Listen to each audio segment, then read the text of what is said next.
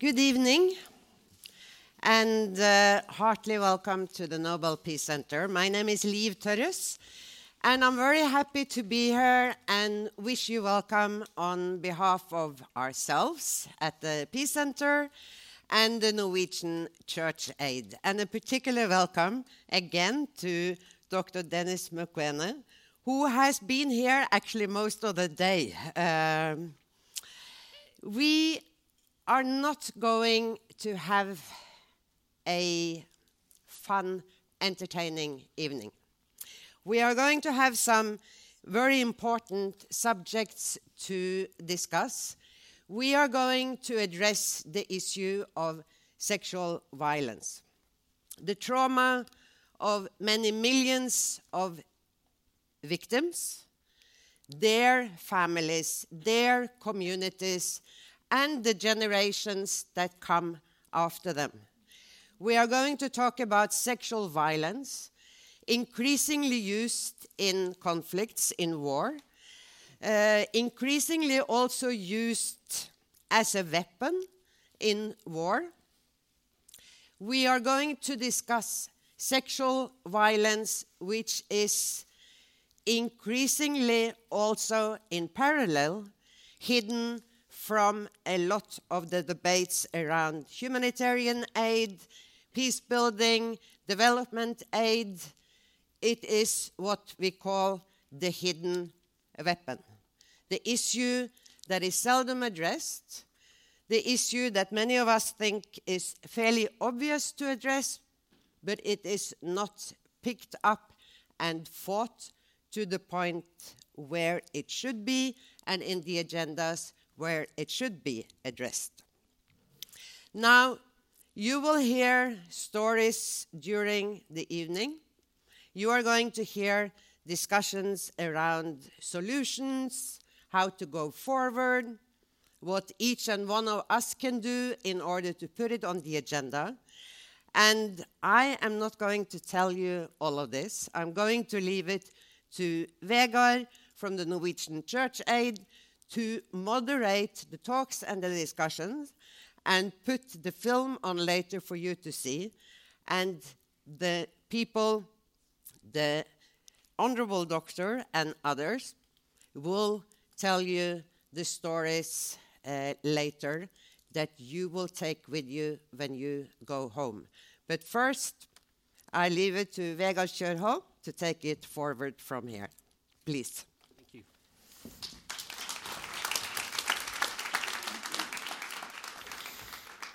We're about to dig into a topic that you do not want to hear about. Nightmare stories that you can hardly understand happen. But it does happen. It happened yesterday, it happens today, and it, unfortunately, it will happen tomorrow too. Rape, another form for sexual violence, is a tactic of war and terrorism. All women, uh, and women and children, are most often the victims.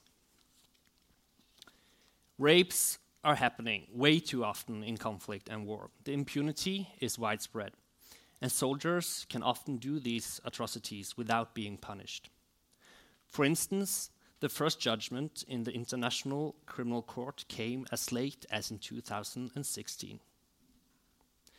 Children are very often the victims of sexual violence, and armed men are most often the perpetrators. In the Democratic Republic of Congo, for instance, armed groups are the main reason to the widespread use of sexual violence. The stories about rape and sexual violence are stories about human beings who are doing unexplainable things towards other human beings. These are stories about rape, sex sexual exploitation of children, forced marriage, child marriage, and so much more. We are here today to shed some light on these stories. We are here today to break the silence. Tonight, we will keep an extra focus on the situation for youth and the role for youth. Both youth as survivors of sexual violence, but also youth as perpetrators. We have four interesting guests. They will share our experience, not their experiences from the work they are doing. And then we will have four young and engaged Norwegian youths who will talk about how Norway in the future can contribute to stop sexual violence. First, we will see a short video about this topic, and afterwards, our four guests can take the seat. Noen militser bruker voldtekt av sivile som en belønning når de vinner. Rape is a weapon of war. To treat more than 50,000 women banavala mateni na viko na mabunduki bo bakanza tubaka tulikuwa mi na mamangu destroyed physically and psychologically. How can this happen? A child coming at the hospital, totally destroyed, the intestines between her legs. Impunities makes people not to be afraid They're not afraid at all to rape. فصاروا يقربوا علي ويمدوا ايدهم علي ف يعني اغتصبوني هن الأربعة When you are destroying women, it's to destroy all the nation. الأطفال والنسوان والأولاد كتير كتير انظلموا There is not really a reaction to stop this kind of destruction. يعني بس بدي أقول بكفي ظلم انظلمنا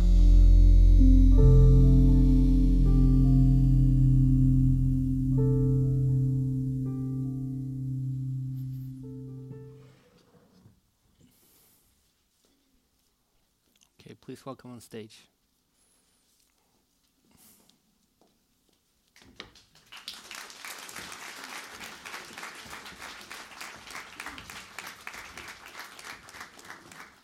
Okay, welcome again, all four of you, to the Nobel Peace Center in Oslo.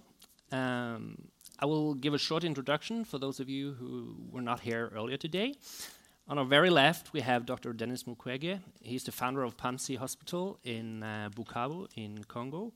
Um, there at uh, Panzi Hospital, Congolese women get treatment after being raped, often gang raped. Uh, he's a world leading expert on how to repair internal damages after a violent rape. Dr. Mukwege has received many awards for his tireless work, among those the UN Human Rights Prize and the Sakharov Prize. Then we have Saja Mi- Michael. Mm. Uh, she is based in Lebanon. She works to prevent misuse of girls and uh, women, uh, and many of them are Syrian refugees from the civil war in Syria. Ilwad Elman, she's, she grew up in Canada, uh, moved back to the country where she was born, Somalia, uh, and there she continued the work that her father um, had done. He got killed during the civil war. You and your mom have continued that work uh, at Elman Peace and Human Rights Center in Mogadishu. And then on the very right, Mustafa Qasim. He were, he's my colleague in Norwegian Church Aid in northern Iraq. Your job is to contribute in offering women psychosocial and physical aid after being held captive or being misused by ISIS. And I will start with you, Mustafa, in the Middle East. The last six years, uh, we have been witness to the worst war in our generation, the civil war in Syria. We have read about Bashar al Assad, uh, the opposition groups, and also the terror group ISIS. And this group, ISIS, have used sexual violence as a weapon. Um, and I want to ask you, if possible, can you explain why some human beings are capable of doing these kind of atrocities to other human beings? Well, in the normal situation, it is difficult to, to believe that some people can do it. But when you come in contact with ISIS or Islamic States, they are doing that very uh, like easily, and uh, uh, they enjoy actually uh, with what uh, with what they are doing. And uh, the reason is because the, uh, the ideology of uh, ISIS have only like two reasons. One of them is the sex, and the second reason is the money. So that's why they're like using the sex and the, the rape as a motivation for, for their soldier to, to, to be increased, joining with them. And many many uh, of uh, like ISIS member, Islamic State member, they join them because of, of having like sex and rape. Uh, before I ask the next question, I just have to say that you can send uh, questions on Twitter, and hopefully, if we got time in the end, we will ask one of those questions. Uh, but uh, tonight we're going to talk about youth and the role of youth and youth as victims or survivors and perpetrators of sexual violence. And you told me that young women in, um, in northern Iraq they are more likely to be exposed to sexual violence. Uh, why is that? Uh, the reason behind this because uh, usually when when ISIS uh, like captured the big number of Yazidi female, uh, they use more than used to be used. That mean more uh, more than expensive on the black market.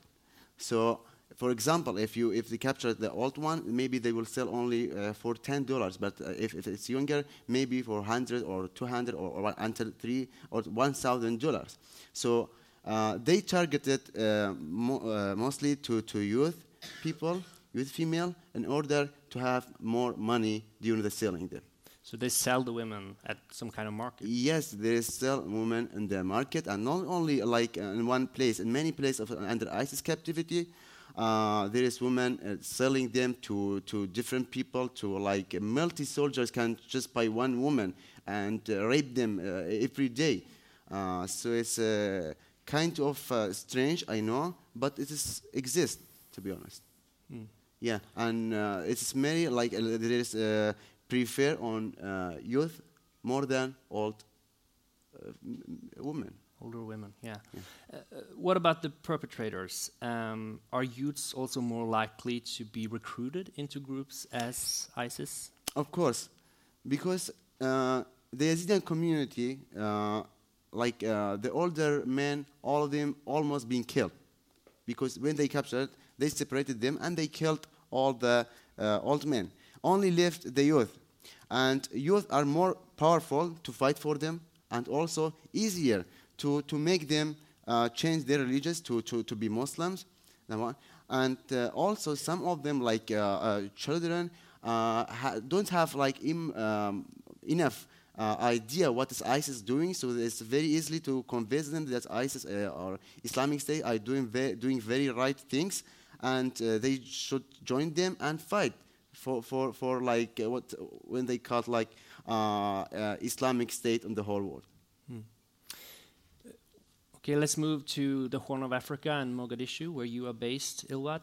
um, you're born in Somalia, but as I said, you moved to Canada with your family when you were a kid.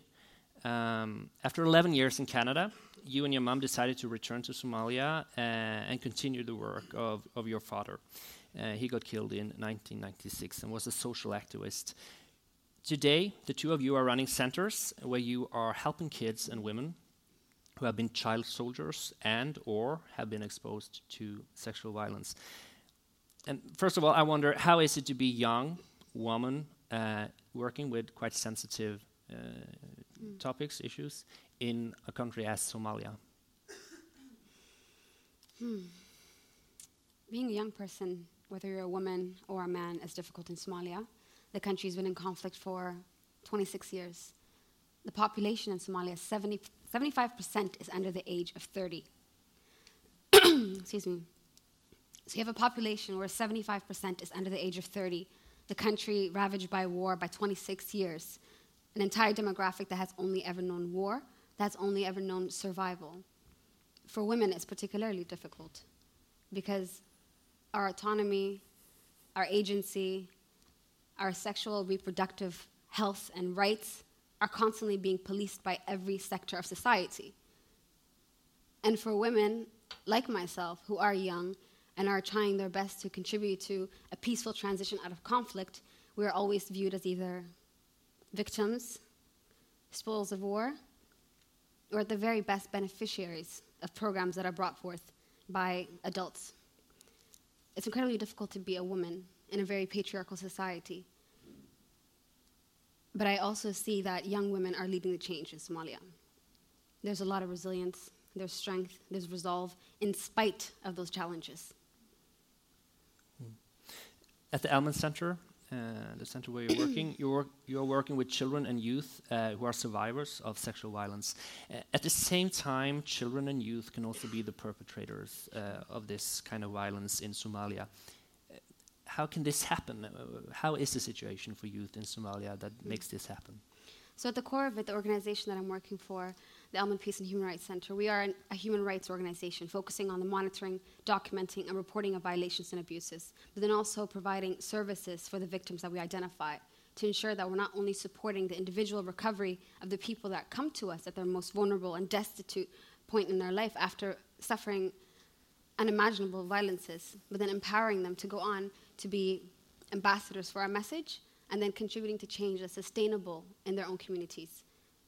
And because I just disp- uh, explained that there is an overwhelming young population, it's not uncommon to find both children and youth as victims, but then also being perpetrators.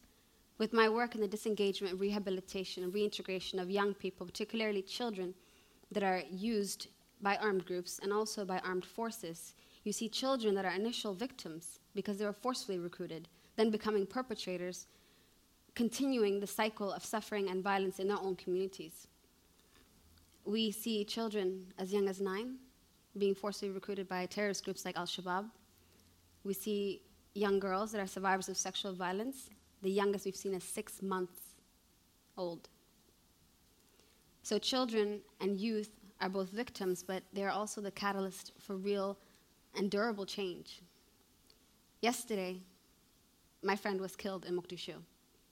Just yesterday, and he was the youngest Somali minister, the Minister of Public Works and Reconstruction. He was gunned down yesterday in Mogadishu. And when he was elected as a member of parliament and then later became a minister, he was a beacon of hope. Like many young people born during the war, he fled Somalia, grew up in Dadaab, the world's largest refugee camp, and then made the decision, like I did myself too, to come back to Somalia to see what role he could play in the transition out of conflict, and then he was killed. So, this is a testament to the context in which we're working, but we can't have an overwhelming majority of young people constantly being viewed as perpetrators or potential perpetrators as they are now in the global war on terror, where countries like mine in Somalia, where young people are seen as constant potential recruits for terrorist organizations without understanding the underlying grievances which are pulling them into these armed groups economics, survival, the need to have identity and belonging, and amidst a cacophony of voices and ideologies, terrorist groups provide a platform for young people to actually survive and fend for their own families in some situations. And girls that we work with are forcibly married enter sexual slavery, there's human trafficking. And in this morning, I detailed in full about the different types of gender based violence that we deal with, but it's not enough to just look at young people as victims. They have the solutions, I believe. And if governments, it's very, I'm very excited to hear the, the youth politicians from Norway speak later, but I believe that young people, when they are in governance and in decision making roles, they best represent the marginalized majority.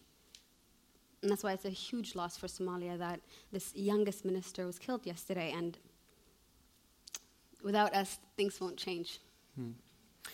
But as we understand, it's it's directly dangerous to, to do this kind of work in Somalia. What what keeps you going when, when things like this happen? You, you could go back to Canada. You, you're a Canadian citizen and could live there, not going sure. back to Mogadishu. I could go back to Canada. When I first came back to Somalia, so just to take a step back, I, like you said, I was born in Canada. The reason why I decided to come back to Somalia is my mother had returned several years before, and growing up, we always knew that she wanted to go back to Somalia to continue the human rights work she and my father were doing. But then when she left, the only image I had of Somalia was violence, conflict, terror, all the negative things that we still today see in mainstream media and then we'd lose contact with her for weeks at a time, not understanding what, the, what was compelling her to stay there. And then when I came back to Somalia, I realized the same way that we needed our mother, hundreds of others needed her as well too. And I fell in love with the work that she was doing and seeing real impact happening outside of traditional systems and institutions, but affecting and changing the lives of people at the grassroots level. That's why I initially went. I stayed because the people in the situation that we're trying to change don't have the option to run away, don't have the option to leave. And although that does come with risks, I also believe that anything worth doing comes with risks. And it's exciting to see that change can happen if you actually invest energy and time into it. And seeing that impact already happening within Somalia and even with the situation of sexual and gender based violence, we went in 2011 from a situation where you couldn't even talk about rape. When we first began to talk about sexual violence in Somalia, when we opened the first rape crisis center, the president at the time held a press conference and actually went out and said, Rape does not happen in Somalia. Our religion, our culture, our values do not create space for this to happen.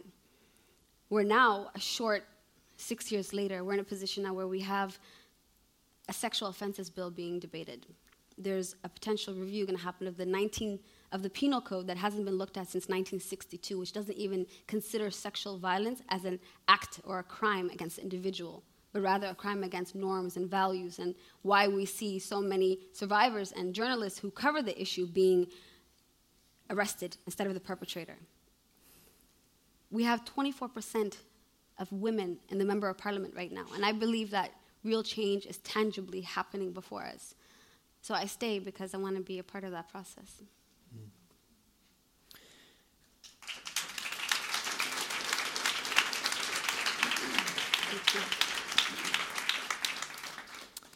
Um, as you said, youth have an important role uh, in the work that is being done in Somalia, and so is um, the situation in Congo too. Um, City of Joy, that's the project that you've started in Bukavu. Um, in City of Joy, women who are survivors of sexual violence, they get both therapy but also training, leader, leadership training. They are from the age of 18 to 30. Um, and we will learn more about City of Joy when we see the, the film afterwards. But I want to ask you, uh, Dr. Mukwege, why is it important for you to train young female survivors uh, to become leaders? Yeah. I, I want to say that uh, tomorrow I'm very happy when I'm hearing a young girl who she's fighting for the right of others. And I think that is what we need. Maybe my generation, we failed to protect women. But my feeling is that with this new generation, this will not be acceptable in maybe few years. And when uh, we start to treat patients at Panzi, uh, we start to treat them medically. But after to get uh, the medical treatment, our experience was that it was not enough. And we could see that they need more. And what we add, add as our treatment was the psychological support. And after the socio-economical support, and the last pillar in our program is the legal support. And our experience is that after to get to go through these four pillars, we just saw that women, girls become very strong, not just fighting for their own right, but fighting for the right of their children, fighting for the right of the families, the community. And uh, most of them really start to become activists in their own area. And for this, with this experience, we just think that it may be better to give them more training so they can really be um, leaders in their own communities. And there we start this training at, uh, at uh, City of the Joy to train women to transform their pain in power. And with our experience today, really our hope is in all these young girls. Because most of them in their community they are really leaders and uh, maybe they can't accept what happened for them not only to happen again for them but only or also to happen to other women in the community. And i think that this transformation from pen to be power and be activist it's really a result that we can see in our program and is giving us a lot of hope. We will have some young Norwegian politicians here on stage afterwards. Uh, in 10, 20 years, they might be a member of parliament or they might be ministers even. Um, I know you have some opinions uh, on how European countries can contribute in fighting sexual violence. Do you want to share some of your opinion about that? Yeah, uh, sexual violence it's a it's a global issue, and one thing is I would like really uh, to say that uh, sometimes you have impression that people have impression that this is something happening far away of us, though it's not our problem. But I want to share with um, this team that this problem exists everywhere. And if you are not if you are in a peacetime, sometimes you have impression that this is something really far for me. But when there is no law, where there is no uh, the rule of law, this can happen everywhere. And for this reason, I think that uh, to be politician, we need to think things ahead and, and, and just think, what can I do? In French, we say, gouverner, c'est prévoir. You have to think things ahead. And uh, today I have impression that we are in a situation that uh, we can see that uh, rape is happening everywhere in conflict. But the world is just trying to tackle the consequences. But you are not really, I have impression that what you are doing to tackle the root causes is not enough. And for the European government, my impression is that they have many tools and they can use these tools uh, to stop rape in conflict.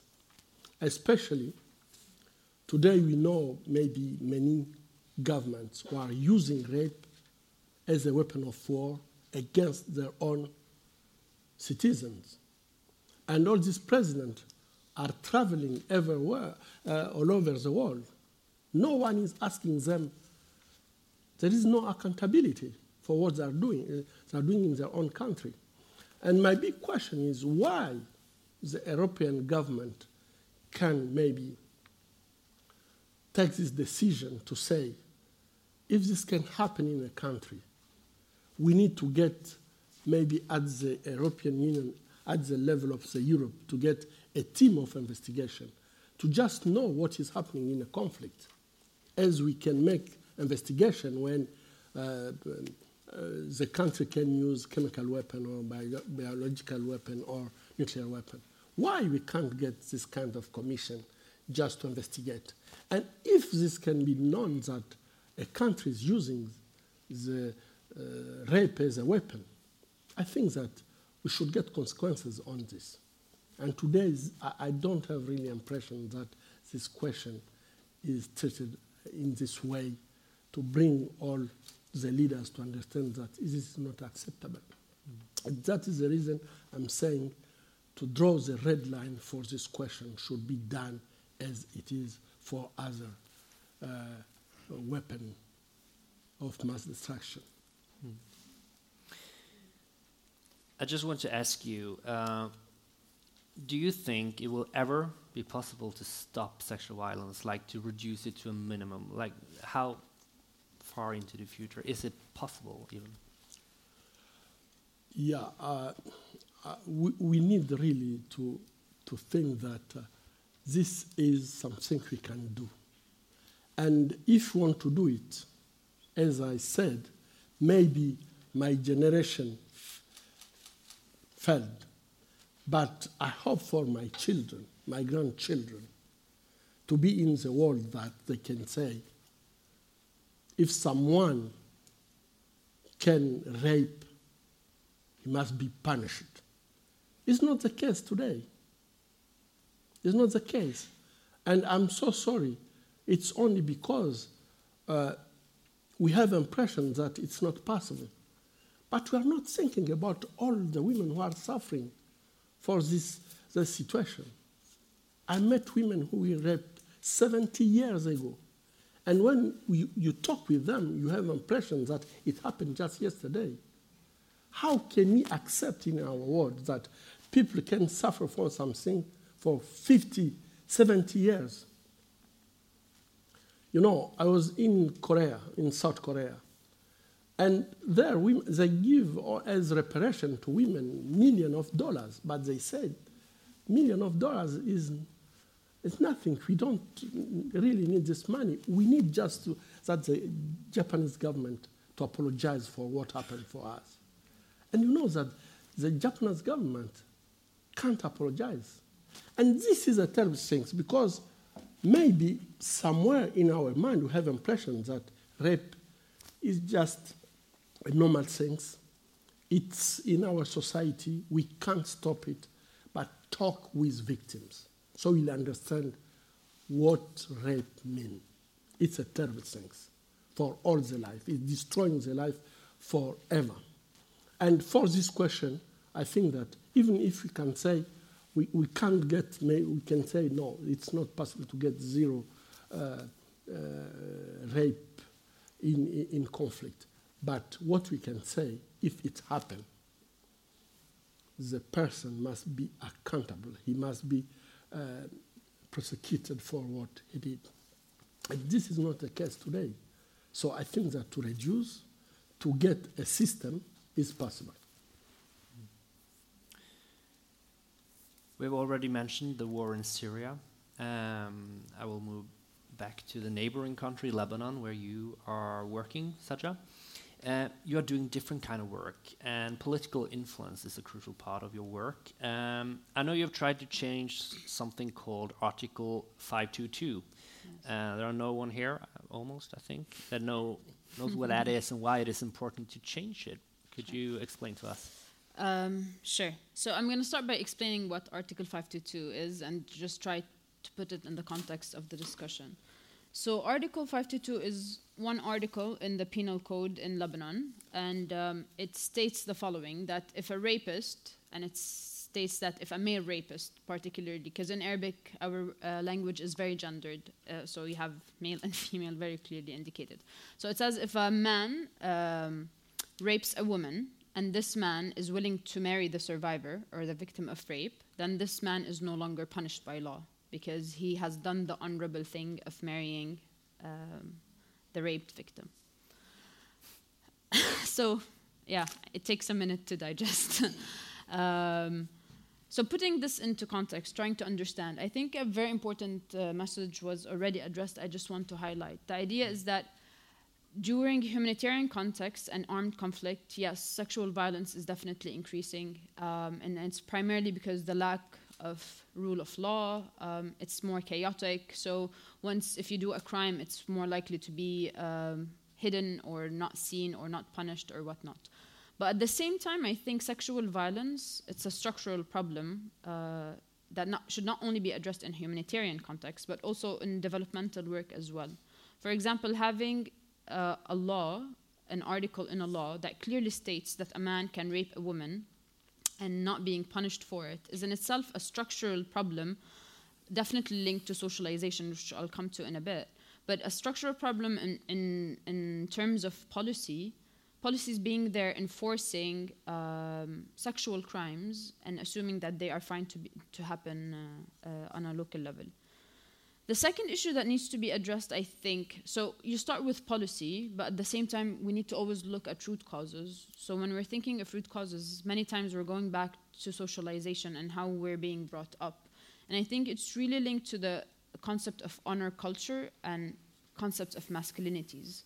So what a man should do, the gender roles men should assume, um, how to be a real man, and also at the same time what it means for a woman to be a real woman. So at many times we're raised, or women are raised to be more uh, submissive, to be the caring mother, to be the caring figure of the family, to understand, to be patient, to accept uh, forced sex even if she doesn't want, especially from a partner, because she's doing her duty as a really good mother. And at the same time, men are socialized to believe that they are on a higher pedestal. They, they're allowed to do this. It's okay for them to do it whether that being within the family structure, but also on a higher level in terms of policy. So a policy over right there, stay stating to you, telling you that it's okay for you to rape as long as you do the honorable thing of marrying the girl. And so I think this is these are the main challenges that we need to look at when we're thinking of solutions. So structural problems, but at the same times um, grassroots problems that are coming arising from communities related to socialization. Um, I just want to highlight how this is linked to youth, because at many times when looking at Article 522 and who's using it, at many times it's survivor bet- survivors between the ages of 15 and around 25 to 30, meaning that uh, the perpetrators, being men, uh, tend to be usually from youth groups, um, but also the survivors themselves are also young women. And uh, the problem is them not being just victims. I'd rather call them survivors because I think if anybody goes through this experience and shares such a story, they're no longer a victim. They're empowered enough to be survivors. But for the sake of this argument, I think they're not just victims once of being subjected to rape, but also they're being double victims, being forced to marry uh, the rapist. Hmm. We are unfortunately moving towards an end of this part of the program. Um, we might see if there are any questions from Twitter afterwards. No questions. It's being told on my ear. Okay. uh, but then I have a question for you, Saja, in the end. Uh, we're both 29 years old. You're, you live in Lebanon. You work with these uh, um, topics. Um, why should I living in Oslo, uh, far away from Lebanon, from Somalia, from Iraq, from Congo. Why should I care uh, about this? Why should Norwegian politicians care uh, about this uh, subject, sexual violence in okay. countries far away? Dr. Mukwege uh, talked a little bit about it, but what's your opinion? Why should I care? My cool answer would be why not? But because we're young and cool. Yeah. Um, but I think I would divide this into two two main answers. Um, one being emotional, my emotional feeling or response to this question, and the second being the practical answer for scientists and politicians, probably. Uh, my emotional reaction would be because of basics of humanity, being a fellow human being. Um, for solidarity with other beings, um, understanding what they're going through, but also being empathetic with what others are going through, even if you're not going um, through it yourself. And last, I think I would say it's for the hope of making things a bit better. Maybe I hope it's through our generation, but at least making it better for ourselves and maybe for the generations to come. The more practical answer, um, for politicians, probably. I mean, emotional works sometimes, but being a bit more scientific about things. Um, I would say that uh, I think the world is becoming a global village to some degree, even though there was some disagreement uh, earlier about if it's becoming a global village or not. But I think uh, many times things are becoming way more interconnected. So what's happening in the States, for example, which was mentioned, policies that are happening in the States, they're affecting women in South Sudan and I was here for uh, two days only, um, and I've been I keep hearing about the weather, and how how the weather is getting warmer and winters are getting shorter, and it makes me think. So I mean, I don't think Norway is one of the biggest uh, emitters of CO2, um, but I think you're really affected by global warming. So I think issues are no longer separated in nation states. I think we're all affected uh, by different issues, and I think that's why even uh, Norwegian young politicians who might not be themselves subjected to sexual gender based violence or might not be facing it uh, at an increased rate. But at the same time, I think we're all directly or indirectly affected by it, and I think we all can play a proactive role in finding a solution. Hmm. Please, I'd like to add something. Like Hello? yeah, we're good? Yeah. I'd like to add something to that because um,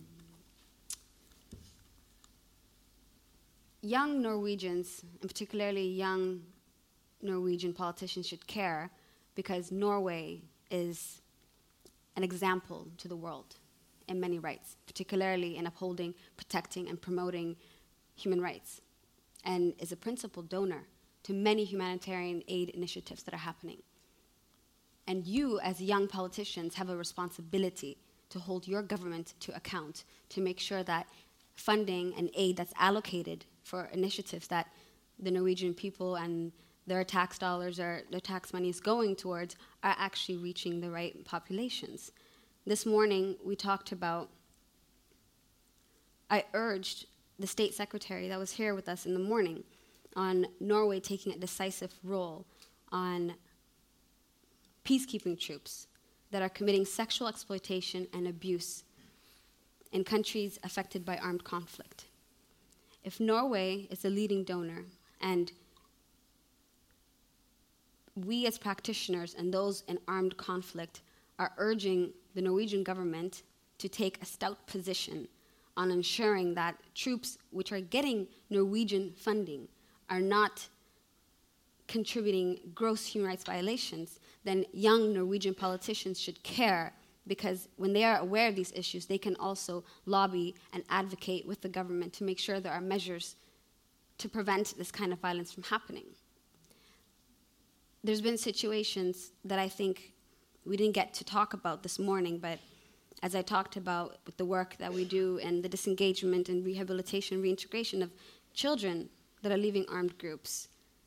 Norway, again, as a leading country promoting human rights, was a champion for getting children that were captured at the front lines, leaving armed groups, to be taken out of detention facilities, which is great. But that takes time to take them out of detention facilities. And while they were in these facilities, which were funded by Norway, there was sexual violence that was happening there. So the responsible thing that Norway did is ceased funding for these detention facilities. However, there's been testimonies, reports, and many accounts and records of young victims seeking justice. So sometimes just ending funding is not enough.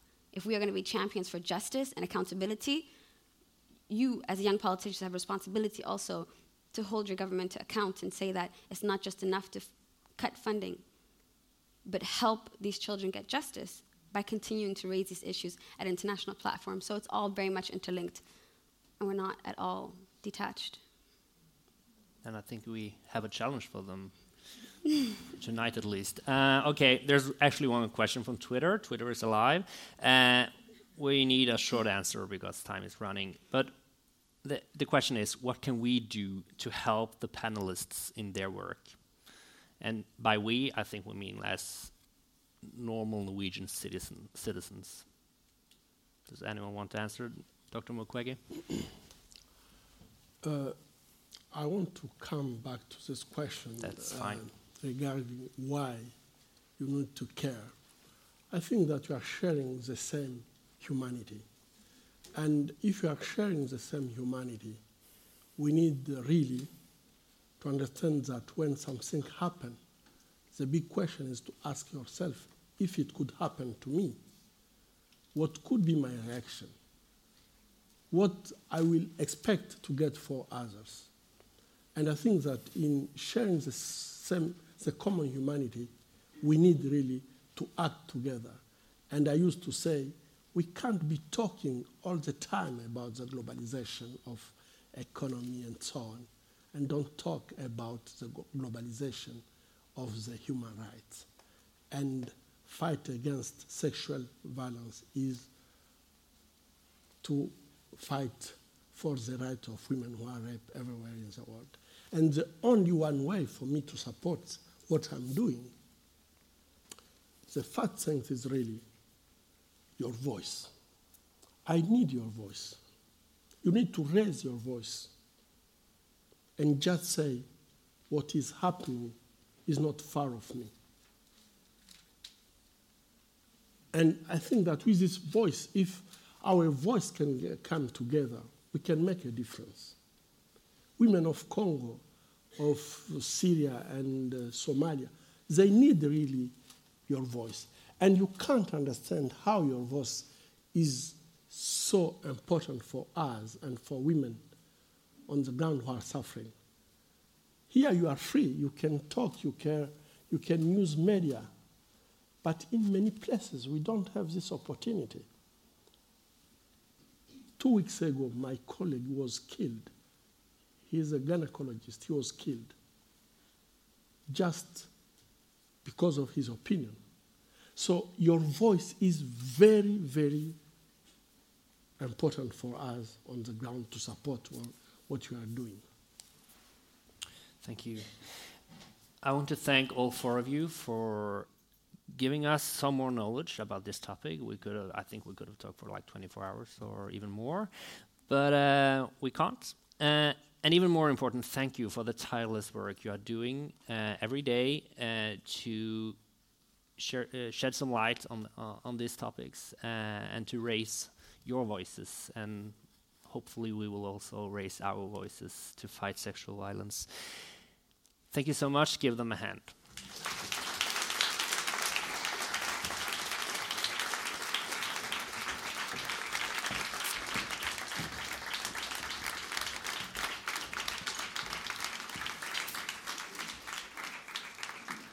Okay, now it's some practical work going. Uh, they're doing it over there because they are, have to switch microphones. So I will just give some practical information.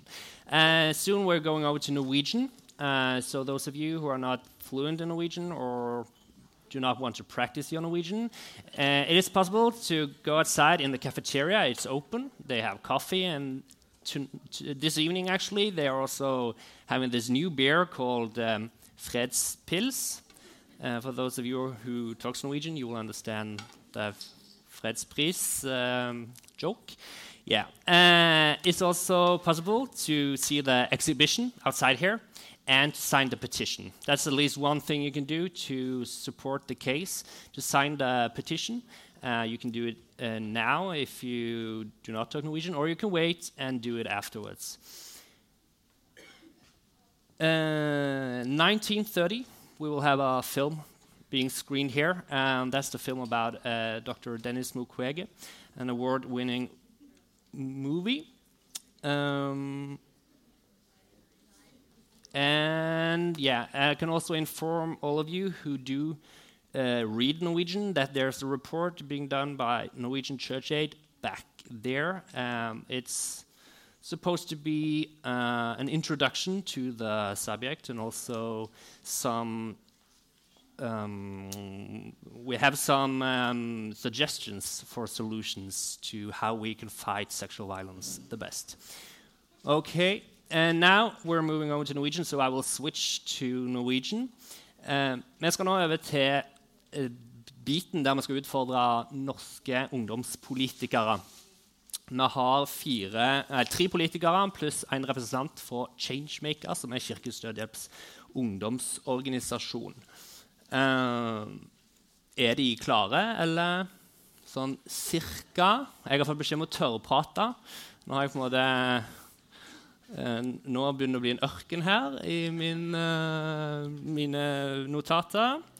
Eh, det er mulig, ja, det kan jeg minne om da. Dere var veldig dårlige på å stille spørsmål. Men det er mulig å gjøre det enda bedre i eh, del nummer to.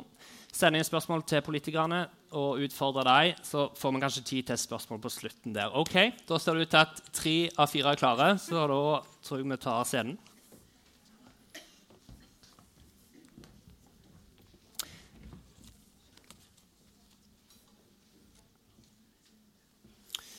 Strålende. Da begynner jeg på introduksjonsrunden. Eh, lengst til venstre så har vi Andrea Sjøvold. Hun er leder av Sosialistisk Ungdom. Eh, og jeg vet at hun har vært, eh, vært leder av Press, som er Redd Barnas ungdomsorganisasjon. Så har vi Jarle Aabakke Tollaksen, nestleder i KrFU. Kristoffer Gustavsen, andre nestleder i Unge Høyre. og så har vi Thea Crawford Svendsen, som er medlem i Changemaker. Og jeg vil begynne med deg, Thea. Um, nå har vi hørt litt om de mange utfordringene som er knytta til dette temaet. Uh, vi fikk òg høre så vidt om City of Joy, som Mukwege uh, fortalte om. Uh, og du kom nettopp hjem fra et besøk i Kongo, der du fikk besøk av City of Joy. Um, lærte du noe der som har relevans for norsk ungdom og for deg og kampen mot seksuell vold? Jeg håper jo det. Eh, så er det ikke noe vits at jeg dro. Um, først si litt om hvorfor jeg var der. Ja. Um, I Changemaker så er vi med på et av Kirkens Nødhjelp-prosjekter som handler om reduksjon av kjønnsbasert vold i Mali, Somalia, Sør-Sudan, Burundi og eh, DRC i Kongo.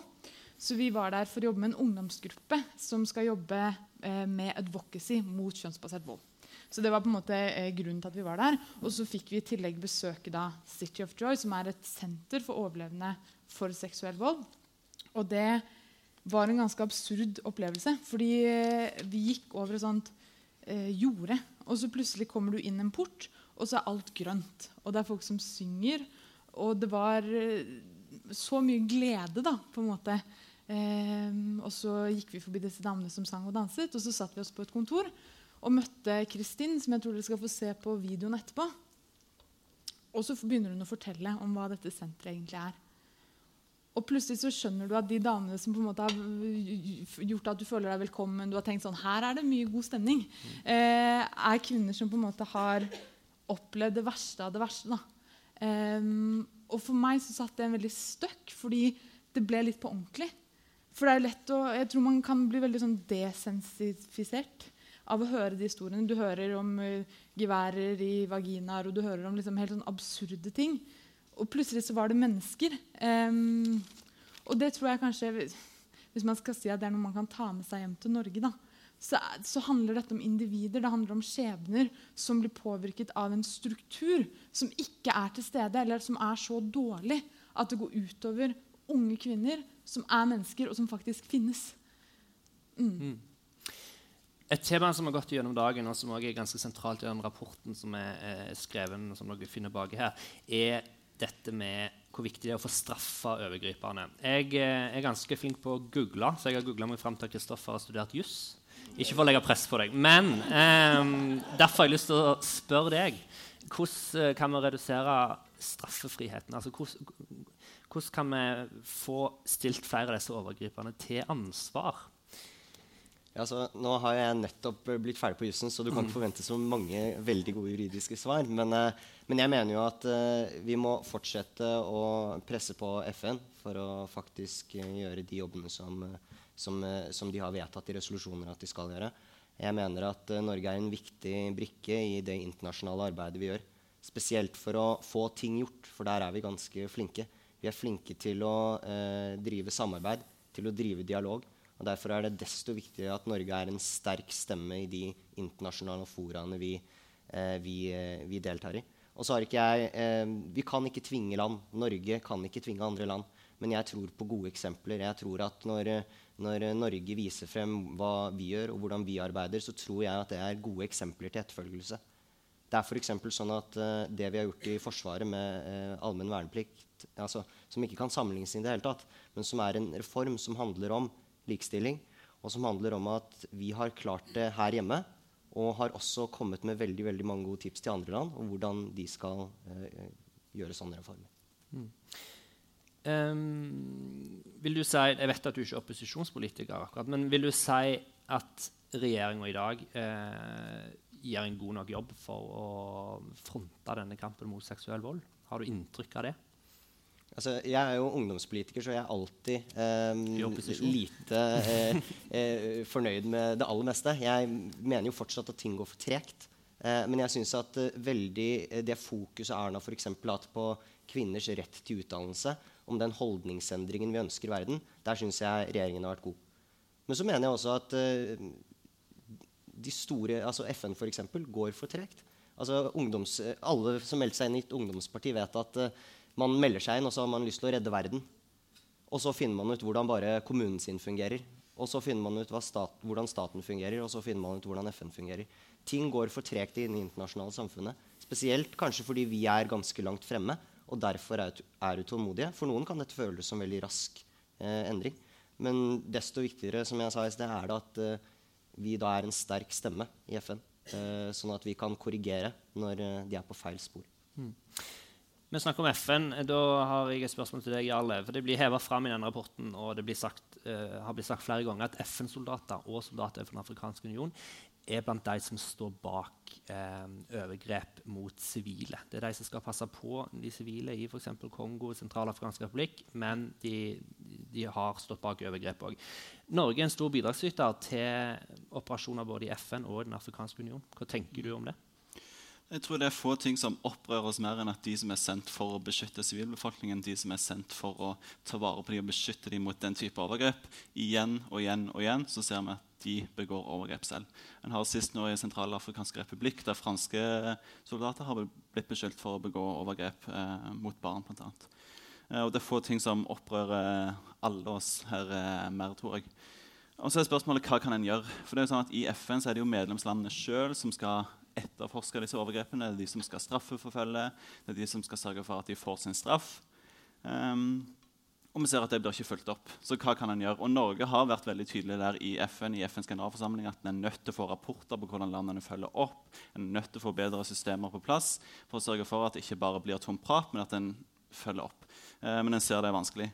Eh, det som jeg ser flere har tatt til orde for, er jo at en har eh, såkalte uavhengige kommisjoner eh, som følger når en oppretter et nytt oppdrag, et nytt fredsbevarende oppdrag, at det da følger med eh, en uavhengig kommisjon som kan granske, som kan få fakta på bordet, som kan intervjue eh, offer, eh, og så kan sette i gang med straffeforfølgelse. Og når det gjelder Sentralafrikansk republikk, så har jo Norge støtta at det skal opprettes en egen Special Criminal Court eh, som skal gjøre nettopp det, drive uavhengig arbeid eh, for å finne ut hva som har skjedd.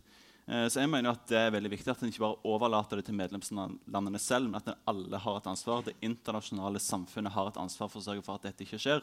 Og Norge har et ansvar for å fortsette å presse på at det ikke er straffefrihet for denne type overgrep. Mm.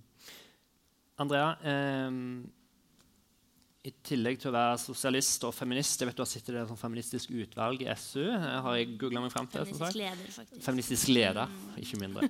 Eh, så har du òg altså fortid som leder av Press. Og jeg eh, vil påstå å si at du har ganske god koll på norsk ungdomsengasjement. Mm. Eh, tror du egentlig at seksuell vold i krig og konflikt er noe som norsk ungdom kan gjøre noe med?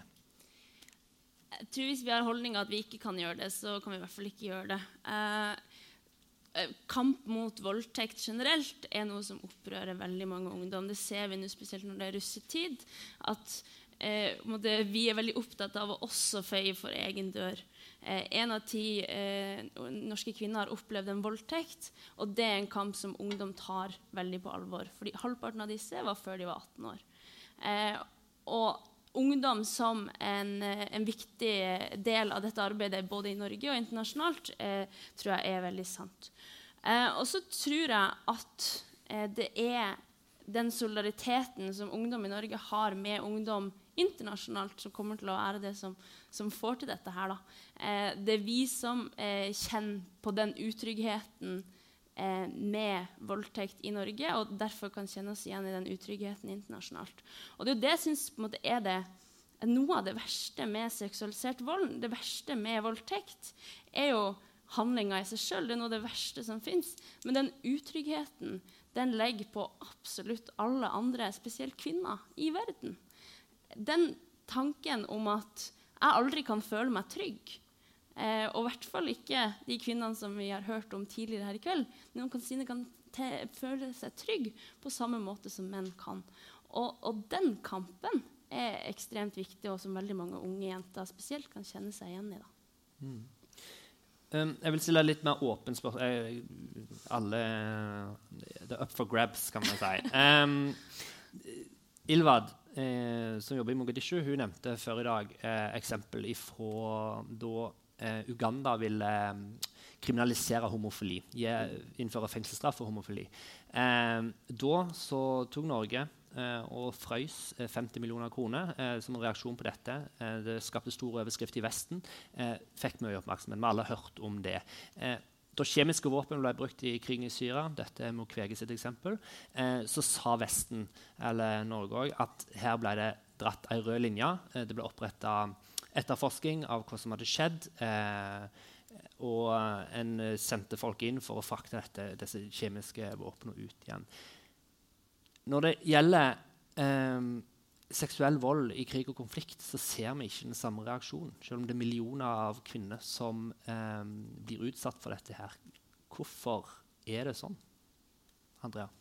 Det, det, er et veldig stort spørsmål. Men jeg tenker at det viktigste her er jo at vi er nødt til å anerkjenne at det er et problem. Vi lever i et samfunn der menn sin vold mot kvinner strukturelt eh, går utover kvinner, og, og det er et problem. Liksom, step one anerkjenne problemet. Det er ikke det vi alle har lært. Eh, og step two er jo å anerkjenne at dette er et problem vi ønsker å løse. Eh, jeg tror det er veldig mange som tenker ja, det er et problem, men det er, det er for stort eh, til at vi i det hele tatt kan gjøre noe med det. Eh, så jeg tror vi må bruke de verktøyene vi har, i større grad til å, å få bukt med dette problemet. Eh, vi må eh, støtte kvinneorganisasjoner rundt om i verden som jobber med dette. her. Vi må støtte UN Women. Eh, I SV sitt alternative statsbudsjett så har vi foreslått å øke den støtta med 30 millioner eh, etter at regjeringa kutta det. Og så må vi støtte også andre organisasjoner som, som jobber med kvinners rettigheter. Men anerkjenne, og gjennom det anerkjenne kvinners rolle i dette. Fordi eh, vi har jo på en måte vedtatt at kvinner skal være en viktig del av fredsbevarende prosesser osv. Og, så og det her er grunnen til det. Fordi kvinner møter eh, spesifikke utfordringer i krig og konflikt. Så når vi som Norge går inn i, eh, i diplomati, og når vi skal lage fredsavtaler, som vi som veldig ofte gjør som, som, stat, så må kvinneorganisasjoner og kvinner være en veldig viktig del av dette. fordi da får man fokus på de spesielle utfordringene. Mm. Thea og Kristoffer. Ja, jeg tenker jeg tenker kanskje litt omvendt. At det er ikke at vi tenker at det er for stort, men vi tenker at det er personlig. Eh, at vi tenker at det, det, angår den kvinnen som ble voldtatt der og da. Og det var kjipt, og uffa meg, og stakkars henne. Ferdig. Men sannheten er jo at dette er strukturelle problemer. Det handler om strukturer som ikke fungerer, både internasjonalt med tanke på eh, at, at, ingen blir straffeforfulgt. Man kan voldta kvinner i krig og ikke få straff. Det er et strukturelt problem. Det er mangel på traumebehandling for mennesker som har levd i krig i årevis og sliter. Kanskje man har blitt, altså, da jeg var i Kongo, snakket mye om, om uh, at de som voldtar, ofte har blitt voldtatt selv. At du har på en måte the victim as a perpetrator. Det er en struktur, Der er det en struktur som ikke eksisterer. Man tar ikke vare på, man bygger ikke opp, man følger ikke opp. Sånn at jeg tenker at Her har man et problem som ligger i strukturene. Det ligger i strukturene eh, lokalt nasjonalt, regionalt og internasjonalt. Og det er bare der man vil få bukt med denne typen problemer. Ta det fra det personlige, fra individet, fra stakkars henne til stakkars oss som lar dette skje. Mm, så tror jeg også Det er viktig at uh, vi anerkjenner at uh, um, seksuell vold i krig er et uh, krigsvirkemiddel. Det er et våpen. Dette er ikke noe som skjer fordi det er krig, men det er et våpen som benyttes i krig. Det tror jeg vi eh, må anerkjenne. Og der mener jeg at vi, eh, vi, har kommet godt på vei, men har lang vei igjen. Og så tror jeg også at eh, man må anerkjenne, eh, litt som Andreas sa, at krig rammer menn og kvinner forskjellig. Like tungt, men allikevel forskjellig. Eh, og da tror jeg det er viktig å eh, for det første ta med kvinner i de beslutningsprosessene som skjer når det er forhandlinger, men også de politiske beslutningsprosessene Sånn at, eh, sånn at, det ikke bare er eh, menn som sitter og bestemmer. Det tror jeg er viktig for eh, Ikke nødvendigvis for temaet separert nå, men for den videre utviklingen av verden og hvordan vi ønsker at politikken skal formes videre. Mm. Ja, jeg òg eh, har lyst til å gå litt videre på det Andreas sa. for jeg tror det med Kunnskap er utrolig viktig, og at det blir satt på dagsorden. Eh, for å ta et litt banalt eksempel, Panama Papers gjorde plutselig skatt veldig relevant. Mm. Eh, alle prata om at en trengte forventningsdokumenter for investering gjennom oljefondet. altså Det kom masse ting på bordet, eh, og det kom mange virkemidler. En har ikke sett det samme når det gjelder seksualisert vold. Uh, og det, så jeg tror det er kjempevanskelig å få det på agendaen. Jeg vet Det er mange sivilsamfunnsorganisasjoner som har jobba lenge for å prøve å få oppmerksomhet rundt det, og en klarer ikke å få det til. Uh, men det er akkurat som det er en sånn barriere som må bli brutt før en klarer å på en måte få, en sånn, uh, ja, få nok kunnskap om det og få samla nok rundt det. Mm. Kristoffer, jeg vil spørre deg. Eh, til høsten er det valg. Erna stiller til valg, så vidt jeg vet, eh, og håper å bli gjenvalgt. Så er det vel sånn, hvis vi skal være helt ærlige, at seksuell vold i Kongo eller um, Irak det er ikke en sak som får Erna eller Knut Arild eller Audun eh, valgt til noe som helst. Hvordan skal vi klare å få dette opp på den norske agendaen? Er det i hele tatt mulig? Er, er, det et relevant spørsmål i det hele tatt? Altså jeg tror jo at uh, utenrikspolitikk er viktigere enn noen gang. I hvert fall i min levetid. Eh, utenrikspolitikk har nesten blitt en av hovedsakene i det valget som kommer. Og så tror jeg også vi unge har, en, har, et ansvar når det gjelder spesielt seksuell vold. Vi, eh, altså, det ble snakket om globalisering i sted. Vi kan sitte og se en film fra andre siden av verden i live. Det har man ikke kunnet uh, tidligere. Og grunnen til det er jo at verden blir mindre, og det som skjer, litt, altså det som skjer der ute, er nærmere enn det det noen gang har vært før. Derfor er for, eller derfor bør det være viktig for oss unge. og Derfor bør vi også presse regjeringen til det. Og så, og så kommer ikke jeg til å sitte her og være en eh, forsvarer hele tiden av regjeringen. Det går for tregt. og det har vi også kommunisert med, med, med utenriksministeren vår at vi forventer at det arbeidet som gjøres på f.eks. kvinners rett til utdannelse, det skal styrkes i de årene som kommer hvis eh, Høyre skal fortsette i regjering. Det er i hvert fall et av Unge Høyres krav til regjeringen. Mm. Jarle? Ja, jeg tror alle oss kjente på et ganske tungt ansvar etter å ha hørt på uh, panelet, og spesielt siste paneldeltaker som sa det påhviler dere et ansvar.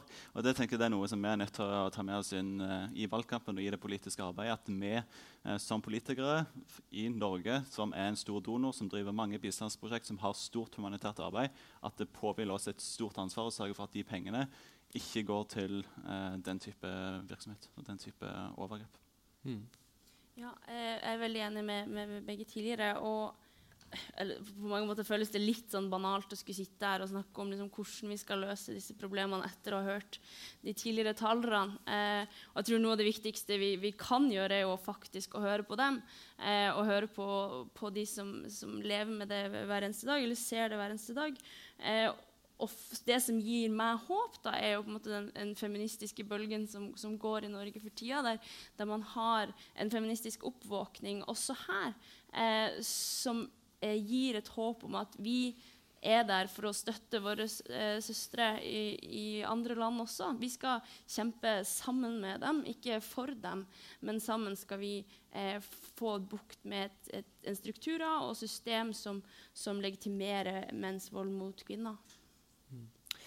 Vi nærmer oss slutt. Eh, det skal bli en liten pause før videoen. Men til slutt har jeg lyst til å spørre deg, Thea. Eh, du representerer changemaker. Det betyr at du tror på en forandring. Stemmer det? Ja. ja. Eh, hva må til for at vi skal få en forandring når det kommer til seksuell vold? Jeg tenker at Som med alle ting man kan forandre, så er dette menneskeskapt. Det er ingen mekanisme i verden som sier at det automatisk må være voldtekt av kvinner i krig. Eh, og dermed kan vi også forandre det. Så er jo spørsmålet hvordan, eller om man kan. Um, og jeg tror at her er det mange prosesser som må gå parallelt. Det handler om uh, forandring på det internasjonale nivået, særlig med straffeforfølgelse. Uh, så er det forandring på lokale nivåer, med kultur, med normer, med lovgivning. Uh, og alt dette krever masse, masse mot, men også masse, masse politisk vilje. Og jeg tenker at man har et ansvar som et individ i et internasjonalt samfunn til å kunne skape forandring.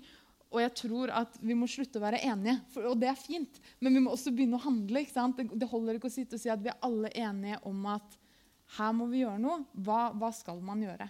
Og der tror jeg man må mase og mase og mase. Og mase, og at det kanskje er veien å gå. Changemaker er flinke på å mase. Ja.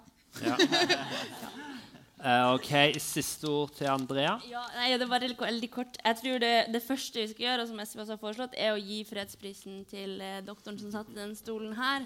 Eh, fordi det vil gi anerkjennelse og fokus på problematikken. Mm.